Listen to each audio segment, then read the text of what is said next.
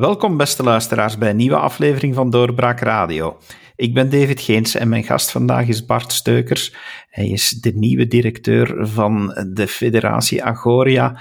En wat Agoria net is, ga ik hem zelf laten uitleggen. Welkom, meneer Steukers, in onze podcast. Zeg maar Bart en David, uh, dankjewel om mij uit te nodigen.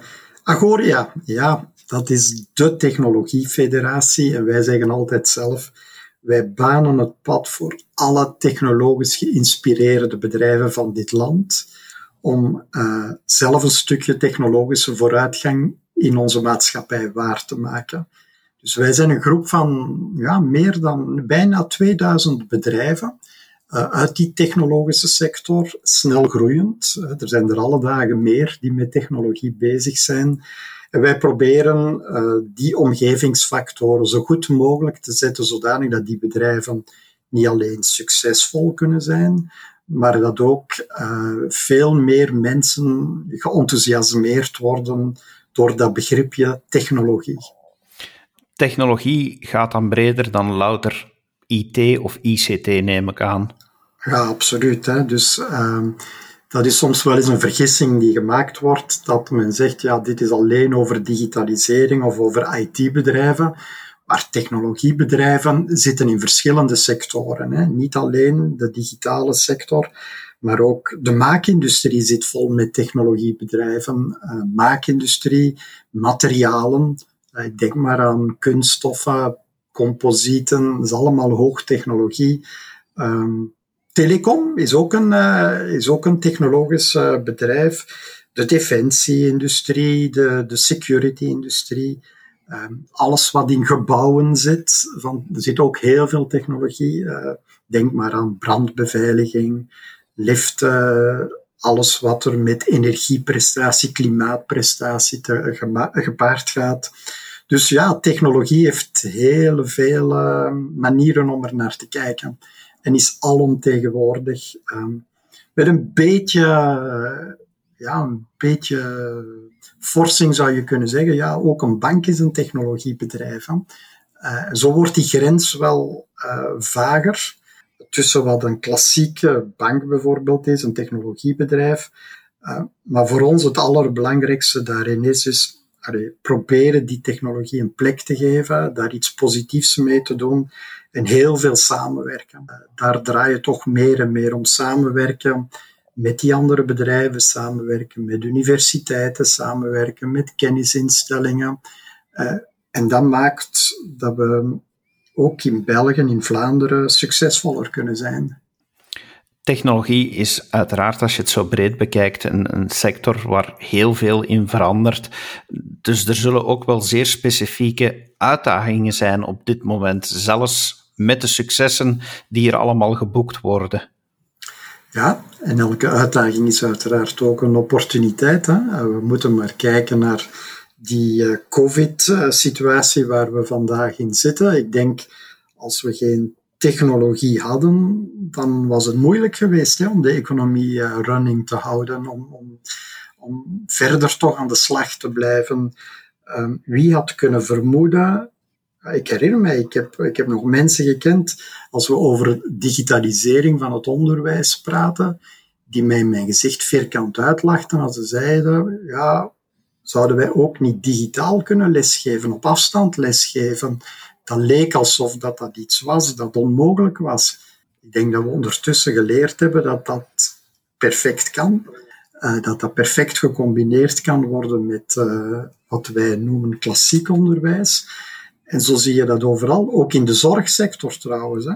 Uh, ik denk, alles wat we op dit moment doen rond uh, COVID gaat ons nog duwen om nog meer bezig te zijn met uh, preventieve zorg. Uh, gaat ons nog meer doen werken met digitale en andere technologieën om ervoor te zorgen dat wij ons lichaam beter kennen, dat wij ook kunnen vermijden dat we in een ziekenhuis terechtkomen. Um, dat doet mij dikwijls denken aan die, uh, aan, de, aan die quote die ik zelf soms eens geef. Mijn droom is een stukje een ziekenhuis zonder bed te genereren. Uh, want dat is het beste ziekenhuis. Hè? Een bed dat niet moet gevuld worden, omdat er geen zieken zijn. of omdat de zieken van thuis kunnen behandeld worden, uh, of dat de technologie hen helpt om te voorkomen dat, dat men ziek wordt. Nu, dat ziekenhuis zonder bed, eigenlijk bestaat dat al wel. Hè. Ik, ik herinner mij, ik heb in Amerika zo eens een, een voorbeeld gezien van een ziekenhuis waar geen enkel bed in stond. Alles werd vandaar wel vanuit dat gebouw gecontroleerd. Er werd zorg op afstand gedaan. Uh, daar werd op preventieve apps ingezet. Uh, en daar, gaan wij, daar kunnen wij ook vele stappen nog in zetten. Beroert mij alle dagen. Als ik kijk hoe snel dat die bedden op intensieve zorgen bezet zijn. Um, als wij ervoor kunnen zorgen dat we gewoon minder bedden nodig hebben, dan kunnen wij ook ervoor zorgen dat die mensen die dan wel in een ziekenhuis terechtkomen ook de allerbest mogelijke zorg krijgen met het minste druk op het ziekenhuispersoneel zelf omdat u nu het ook hebt over, over die verschrikkelijke ziekte, waar we nu allemaal van dichtbij of veraf mee te maken krijgen, heeft de COVID-crisis enorm zware gevolgen gehad voor de technologie-sector? Ja, we zijn ook niet onberoerd uh, gebleven daarbij. Hè. Als je puur cijfermatig kijkt, dan, dan, denk ik, dan hebben wij vorig jaar een, roughly een, omzetverlies van een, kleine 5% gemaakt. Uh, dat is misschien niet zoveel als in de horeca of in de eventsector, gelukkig maar. Um, maar wij zijn wel uh, een stukje, hebben we wel een stukje omzetverlies geleden. Dan moet je wel natuurlijk kijken naar de verschillende soorten bedrijven. Hè. Het is wel zo dat digitale bedrijven hebben het een stukje beter gedaan, maar minder dan men over het algemeen denkt. Hè. Men, men zegt zo wel eens bij wijze van boutade, uh, ja, de, de IT-bedrijven die hebben, die hebben veel omzetgroei gemaakt, uh, alles is digitaal geworden. Ja, er is een beetje groei, gemiddeld 2%, dus dat is toch ook niet enorm. Maar wat men ook een stukje uit het oog verliest daarbij is, zelfs de digitale industrie is ook voor een stukje een mensenbusiness. Uh, en wat bedoel ik daarmee? Er moeten projecten verkocht worden, er moeten projecten geïmplementeerd worden, uh, goed gemaakt worden. En dat heeft ook allemaal mensen nodig. En gelukkig hebben heel veel van die bedrijven manieren gevonden om ook van thuis uit uh, dat aan te pakken. Maar er is ook natuurlijk nog altijd een stukje, een stukje dat je bij de klant uh, best toch ook uh, nog kunt waarmaken. Alhoewel, ik moet ook toegeven, ik heb een aantal collega's ontmoet die sinds corona zijn aangeworven en die eigenlijk nog nooit fysiek bij hun klant waren geweest. Uh, en toch kan het werk verder gaan. Dus dat is ook wel bemoedigend ergens. Maar ja, je hebt ook binnen de technologische industrie heb je ook een aantal bedrijven die het heel moeilijk hebben gehad. Hè. Ik denk maar aan de, de, vliegtuigindustrie, om zo maar eens een voorbeeld te geven. Het is, het is geen groot geheim als ik zeg dat als er niet gevlogen wordt, niet gereisd wordt, dat er ook weinig vliegtuigen gemaakt worden. En dat dat voor de, bedrijven, en in België hebben we er toch wel een aantal, die in die industrie actief zijn, een echt heel moeilijke periode is. En dan is het wel goed natuurlijk om te zien dat je in die periode ook kan terugvallen op systemen zoals wij hebben, met tijdelijke werkloosheid en dergelijke. Dus dat heeft toch een stukje uh, ook een, een, een, buffer gelegd en een beschermende laag gelegd, zodanig dat ook die bedrijven in de komende maanden hopelijk ook terug van start kunnen gaan. In de relatiemaatregelen die nu voorzien worden, zit daar voldoende aandacht in voor technologie? Zit daar de juiste aandacht in volgens u? Um, daar breng je mij op een onderwerp uh, in elk geval de snelste relance voor Europa, dat is waar het toe doet. Hè. Ongeacht of er nu veel technologie in zit of niet. Ik ben een grote voorstander van hoe sneller we die relance waarmaken, hoe beter. We hebben geleerd uit, uh, uit crisissen van het verleden dat die landen die sneller uit een crisis komen, die sneller die relance inzetten, dat die een competitief voordeel hebben en blijven hebben in de jaren die volgt. Dus voor België, voor Vlaanderen, is het uitermate belangrijk om zo snel mogelijk uit die, uh, die problemen van vandaag te komen en zo snel mogelijk die relance in te zetten. Als je dan gaat kijken naar onze Belgische relanceplannen, ja, je kan er veel van zeggen. Hè. Langs de, de positieve kant, denk ik, moet je toch toegeven, we hebben van de Europese Commissie de richtlijn gekregen om uh, 37% op groen in te zetten van de middelen, 20% op digitale middelen en digitale plannen. Als we naar de Belgische plannen kijken, ja, dat is gerealiseerd op papier. Uh, de plannen uh, hebben, als ik mij niet vergis, zijn zelfs boven de 50% voor, voor het groene, voor het duurzame gedeelte. En boven de 25% voor het digitale. Um, Zit daar genoeg technologie in? Ja, ja en nee, zou ik zeggen. Ja vanuit het groene, ja vanuit het digitale. Um, nee, in die zin van het Belgische relanceplan is natuurlijk ook een stukje een plan dat um, infrastructuurwerken die we eigenlijk in het verleden al hadden moeten gedaan hebben, nu terug in te halen. Dat is goed, hè? we hebben die infrastructuur nodig. Um, en infrastructuur bedoel ik niet alleen wegen, hè, ook 5G, communicatie, dat is ook een infrastructuur. Hè, dus dat is goed.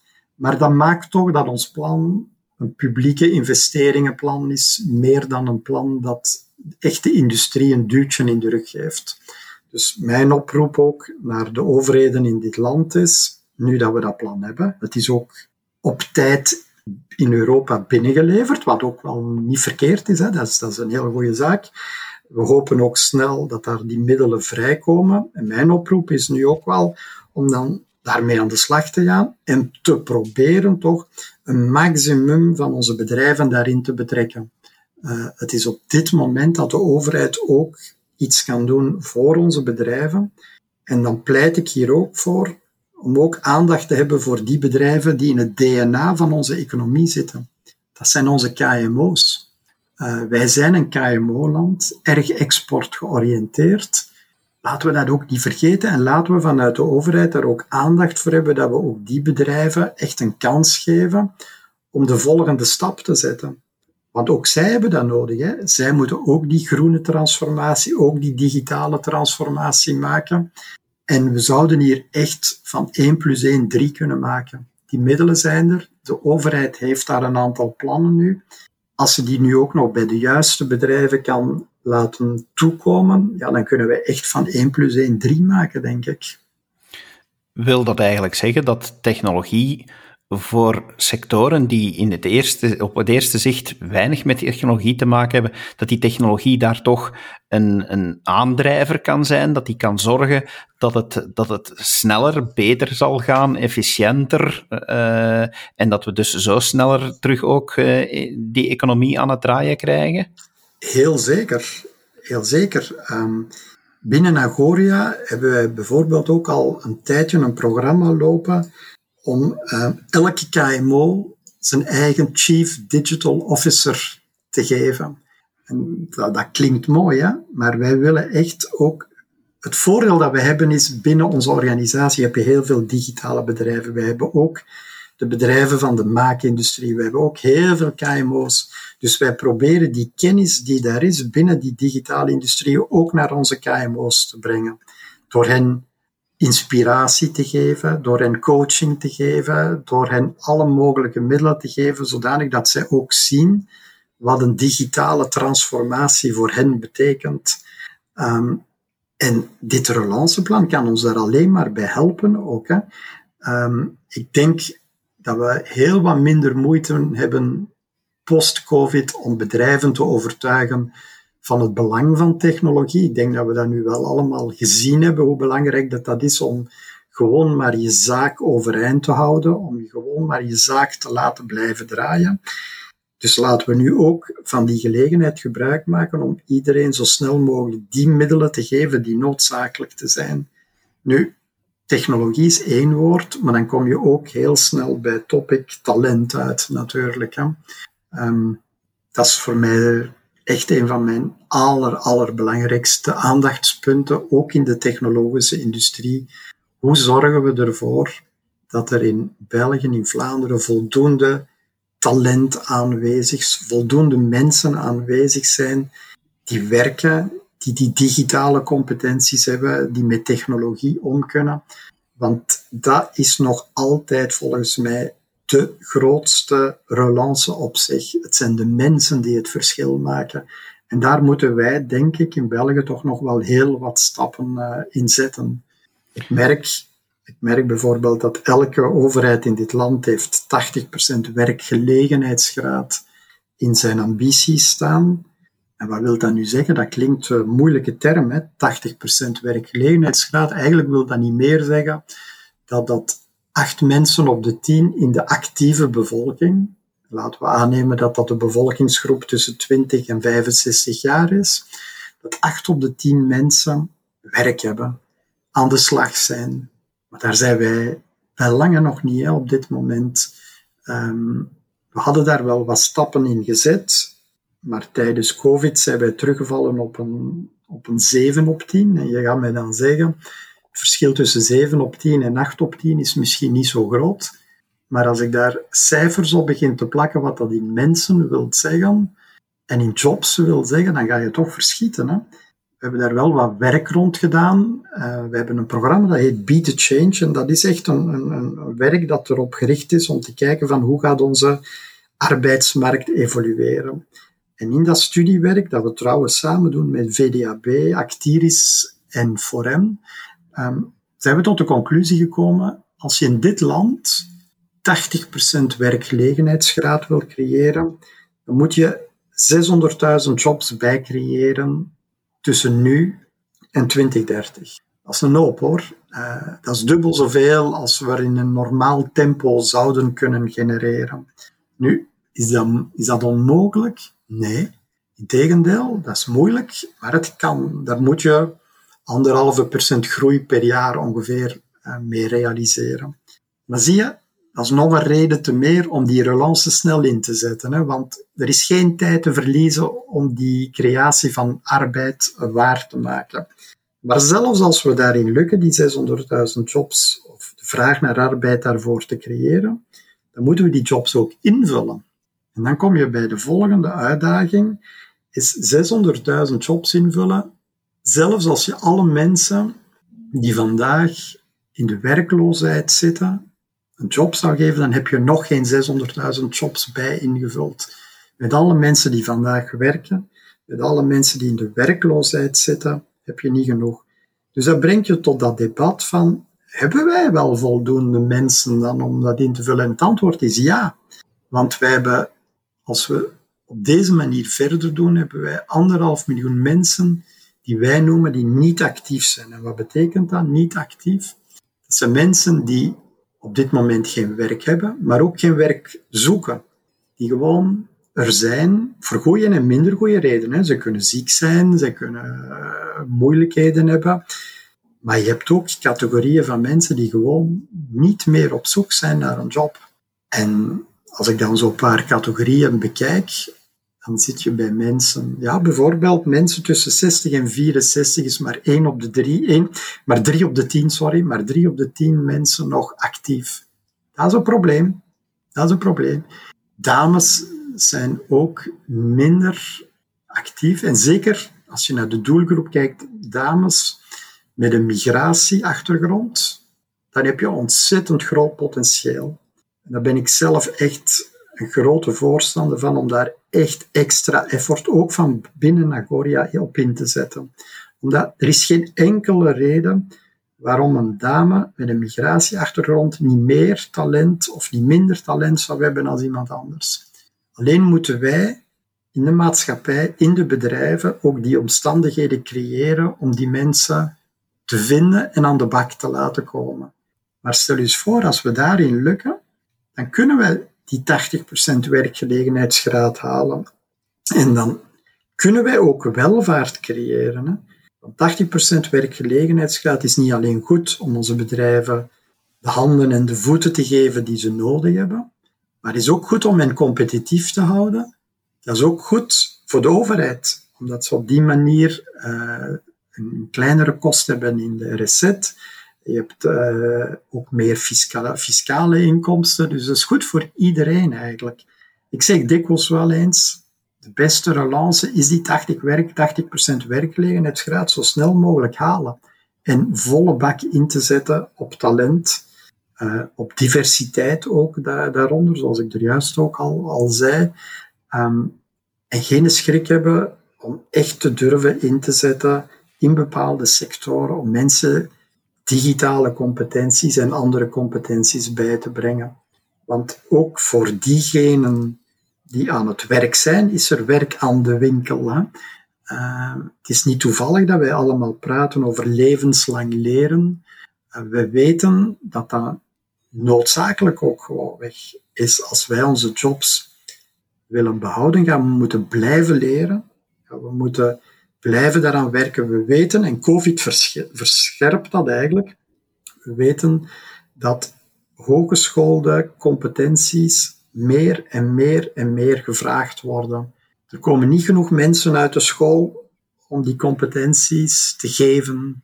Dus moeten wij ervoor zorgen dat we die zelf creëren. En dat kunnen we door binnen onze bedrijven te blijven leren en daar ook allemaal persoonlijk zelf aandacht voor te hebben en ons elke keer de vraag te stellen: hebben wij de competenties die wij, die ik, heb ik de competentie, competentie die ik nodig heb? Vandaag, maar ook morgen. En dat is ook een rol voor Agoria, ons daarbij helpen. Wij, wij, werken ook samen met de bedrijven, maar ook met de, de werkstellingsorganisaties, met andere spelers in het veld, hè, uh, om die competenties aan te bieden. Uh, ik ben zelf bijvoorbeeld stichtend lid van B-Central in Brussel, een, een hub om digitale competenties aan jongeren, aan mensen met minder kansen te geven. Dat is ook een fantastische manier om meer mensen te enthousiasmeren hiervoor. Dat is eigenlijk ook een van mijn stokpaardjes altijd. talent, u noemde het al, competenties. Dus ook het belang van het onderwijs, het levenslang leren. De samenwerking tussen industrie en onderwijs in zijn meest brede vorm, uh, want dan heb ik het niet enkel over het onderwijs van 6 tot 18 jaar, maar, maar echt ook het levenslang leren, die samenwerking, die uitwisseling, dat is iets waarop dat we toch nog altijd een stuk kunnen verbeteren, denk ik. Ongetwijfeld. Daar kunnen we nog grote stappen in zetten, denk ik. Maar we moeten daar ook een stukje out of the box durven, durven kijken. Hè. Als ik langs de kant van het onderwijs even kijken, en dan ga ik zelfs ook iets zeggen langs de kant van de bedrijven. De kans, langs de kant van het onderwijs, ja, als jij van een universiteit, een hogeschool afstudeert, eigenlijk begint het dan nog maar. Hè. En ik vind dat je eigenlijk een soort onderhoudscontract zou moeten meekrijgen van je universiteit, om te zeggen, voilà, hier kan je mee beginnen, maar kom alle jaren een keer op onderhoud. Kom alle jaren een keer of tijdens het jaar. Maar ik ben ook als school, als universiteit, als hogeschool verantwoordelijk om ervoor te zorgen dat je bijgeschoold blijft, dat je bij bent in, je, in, in, in hetgeen wat je doet als beroep. Dus daar kunnen we zeker nog een stuk out of the box kijken. Er zijn vele ideeën daar rond. Ook de bedrijven moeten daarop durven inzetten. Hè. Um, er wordt heel veel gesproken over uh, dingen zoals duaal leren. Um, dan wordt er heel dikwijls gekeken naar, uh, naar jobs die, uh, die in de maakindustrie zitten. Maar eigenlijk is dat waar voor alle jobs. Hè.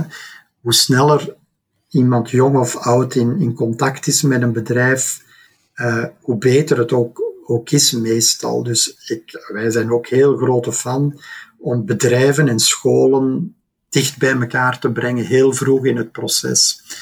Want als je nu kijkt, ik weet niet of je dat weet, maar we hebben daar ooit een keer een enquête op gedaan uh, om te kijken, iemand die in een bedrijf begint, nadat hij of zij afgestudeerd is van de school, hoeveel keer is hij of zij al eens in contact geweest met een bedrijf? Dat is bedroevend laag. Hè? Dat is minder dan ja, een paar procenten zo. Uh, een paar keer, twee keer, drie keer misschien. Uh, maar dat is bedroevend laag. En toch, nogthans is dat belangrijk, hè? want als we over langer werken praten, dan is dat niet alleen voor diegenen die dichter naar de gepensioneerde leeftijd toeroeien, maar is dat eigenlijk ook voor jongeren van toepassing. hoe sneller iemand ervaring opdoet, hoe beter het ook, ook is. En professionele ervaring kan je ook een stukje vroeger opdoen als je goede samenwerkingen creëert met de scholen, uh, opportuniteiten geeft om stages te doen, um, nationaal en internationaal. Dus ook binnen de bedrijven, denk ik, moeten we daar nog wat leren, in leren. Ik vind persoonlijk bijvoorbeeld dat heel veel bedrijven daar ook wat schrik van hebben, in die zin van, ja, wij durven niet met onze mensen meedenken hoe dat ze verder moeten evolueren. Zolang dat iemand een toekomst heeft binnen een bedrijf, dan lukt dat nog wel. Maar als je moet meedenken van, allee Bart, hoe gaat jouw carrière verder evolueren? Welke opleidingen ga ik jou geven? Zelfs al is dat buiten mijn bedrijf, ja, daar wordt eigenlijk niet voldoende aandacht aan geschonken. Wat doen wij? Wij wachten tot als Bart niet meer bekwaam is om in het bedrijf te werken. Ik word dan ontslagen en ik moet mijn ding dan ergens anders gaan, gaan zoeken. Het zou toch fijner zijn als we daar elkaar wat in zouden helpen. Er zijn bedrijven die jaren zoeken naar mensen en ze niet vinden. En er zijn bedrijven die mensen moeten ontslagen omdat ze niet meer de juiste competenties hebben. Als we daar nu samen naar zouden kijken, ook tezamen met het onderwijs, ik denk dat we toch veel betere resultaten zouden kunnen hebben. Hoe doet België het eigenlijk op de wereldwijde technologie-index? Als we ons vergelijken met andere landen, zijn we dan ja, een land waar dat we toch terecht kunnen fier zijn op onze technologische sector? Ah, ik vind van wel. Ik vind van wel. Um, we zijn soms zelfs veel te bescheiden. Um, ik ga een voorbeeld geven. We hadden het er straks in het begin van het interview over groen en digitaal. Um, kijk eens wie dat er vandaag de groene wagens van Volvo en van Audi produceert. De XC40 van Volvo, de e-tron van Audi worden alle twee exclusief in België geproduceerd. Dat is hoogtechnologie, waar nieuw talent aan te pas komt. En wij weten dat soms zelfs niet eens. Ik ben er wel zeker van, als we die discussie die we een aantal jaren geleden hadden, toen Tesla naar Europa kwam en zei in welk land gaan wij onze fabriek planten. Wij zijn als België een tijdje in de running geweest, maar we hebben dat toen niet gehaald. Ik ben er nogal zeker van, als wij vandaag diezelfde discussie zouden hebben, met die competenties die we vandaag hebben, met die ervaring die we vandaag hebben rond groene mobiliteit, ik durf daar toch wel eens een boompje over opzetten. Ik denk dat we daar echt wel kansen hebben. En we hebben er nog aan. Uh, ik weet ook in die relanceplan zit er heel veel aandacht voor waterstof. Absoluut. Uh, daar hebben wij ook als België kansen. Maar we moeten er ook op durven inzetten. En daar wringt soms het schoentje wel. Hè. We doen dat dan zo'n beetje bescheiden, met wat middelen, maar ook niet te veel. Want alles moet een beetje gespreid worden. Uh, maar we hebben wel die kansen. Hè. Ik ken, als ik kijk naar een bedrijf zoals John Cockerill in Luik, klassieke defensiebedrijf, is zich helemaal aan het omscholen naar een bedrijf dat zich bezighoudt met hernieuwbare energie, met waterstof. Dan mag je nog zeggen wat je wil van de defensieindustrie, maar dat is mooi om te zien. Dat is mooi om te zien hoe dat een bedrijf zich zo echt aan het heruitvinden is. Dat is echte technologie. Waar ik zelf ook vind dat we vandaag een goede stap hebben gezet, is in de data-economie. Dat is een stukje terug digitaal.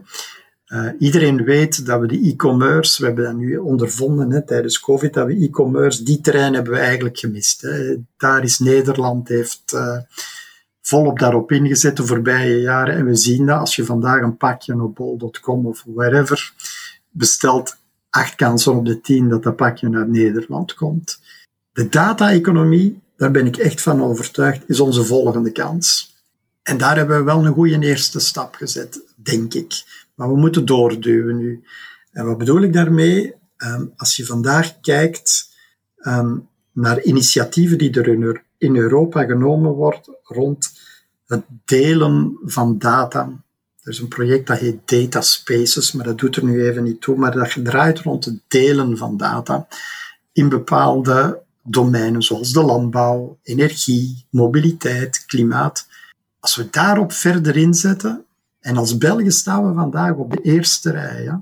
wij, wij denken mee met de Europese Commissie, wij denken mee met de grote Europese initiatieven van wat betekent dat data delen.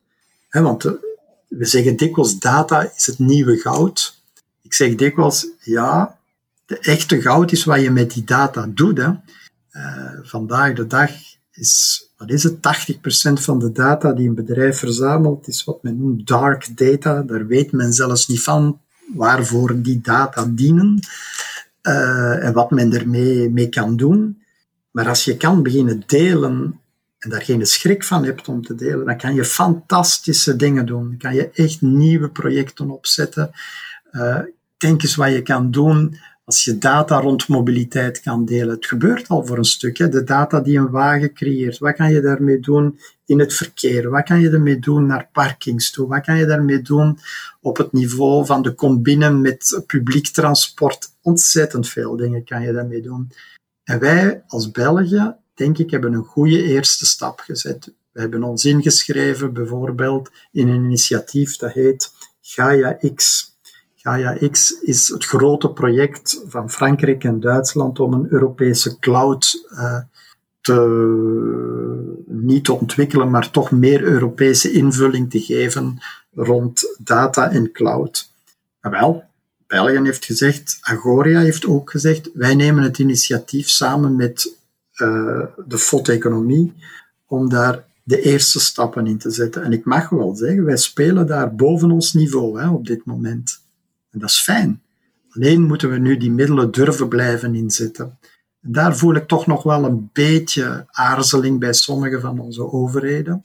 De Vlaamse overheid heeft daar bijvoorbeeld iets goeds mee gedaan. Die hebben een plan om een datanutsbedrijf te creëren. Eh, wat is dat? Dat is een soort waterleiding van data, hè? zoals je het een beetje kort door de bocht uh, schetst. Uh, maar dat is top, hè? Als, als ik vandaag data zou kunnen gebruiken zoals water. Wat, wat betekent dat? Als ik mijn kraantje opendraai, dan weet ik dat het water dat eruit komt goed en gezond is. Daar is voor gezorgd. Ik weet dat het er is, want als ik mijn kraantje opendraai, dan komt er ook water uit. En ik moet mij geen zorgen maken van waar dat, dat water precies komt. Dat komt eruit. Wel, als we zoiets met data ook kunnen doen, ja, dan kunnen we echt stappen zetten. Maar dan moeten we ook geen schrik hebben om die data te durven delen. Om de, en niet op onze, op onze goud, zogezegde goudpot te gaan zitten. En te zeggen, dat is ons businessmodel, dat is ons ding. Nee, nee, deel maar. Het echte goud zit hem in het delen en wat je ermee doet. Daar ben ik echt rotsvast van overtuigd. Dat is een heel duidelijke visie. U bent nu pas begonnen als directeur bij Agoria. Als ik u nu vraag, plaats u zelf nu over een paar jaar. Stel, ik kom u terug interviewen en ik stel u dan de vraag: waar bent u nu trots op? Dus als ik de vraag herformuleer, waar wil u trots op zijn de komende jaren? Wat, uh, wat zijn dan de dingen die het eerst bij u naar boven komen? Drie dingen. Ik ga toch bij mijn talent blijven.